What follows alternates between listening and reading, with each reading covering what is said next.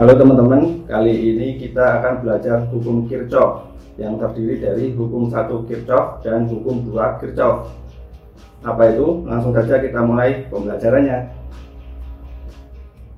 Hukum satu Kirchhoff sering disebut sebagai hukum arus Kirchhoff yang berbunyi sebagai berikut. Arus total yang masuk melalui suatu titik percabangan dalam suatu rangkaian listrik sama dengan arus total yang keluar dari titik percabangan tersebut atau kita tulis I masuk sama dengan I keluar. Hukum dua Kirchhoff berbunyi sebagai berikut. Total beda potensial pada rangkaian tertutup adalah nol. Ilustrasi di samping terlihat tanda panah yang menunjukkan loop. Arah tanda panah tersebut menunjukkan arah aliran arus listrik.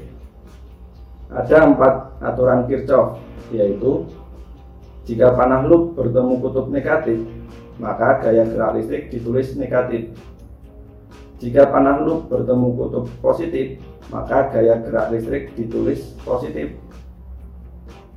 Jika arah arus searah dengan arah loop, maka kuat arus ditulis positif.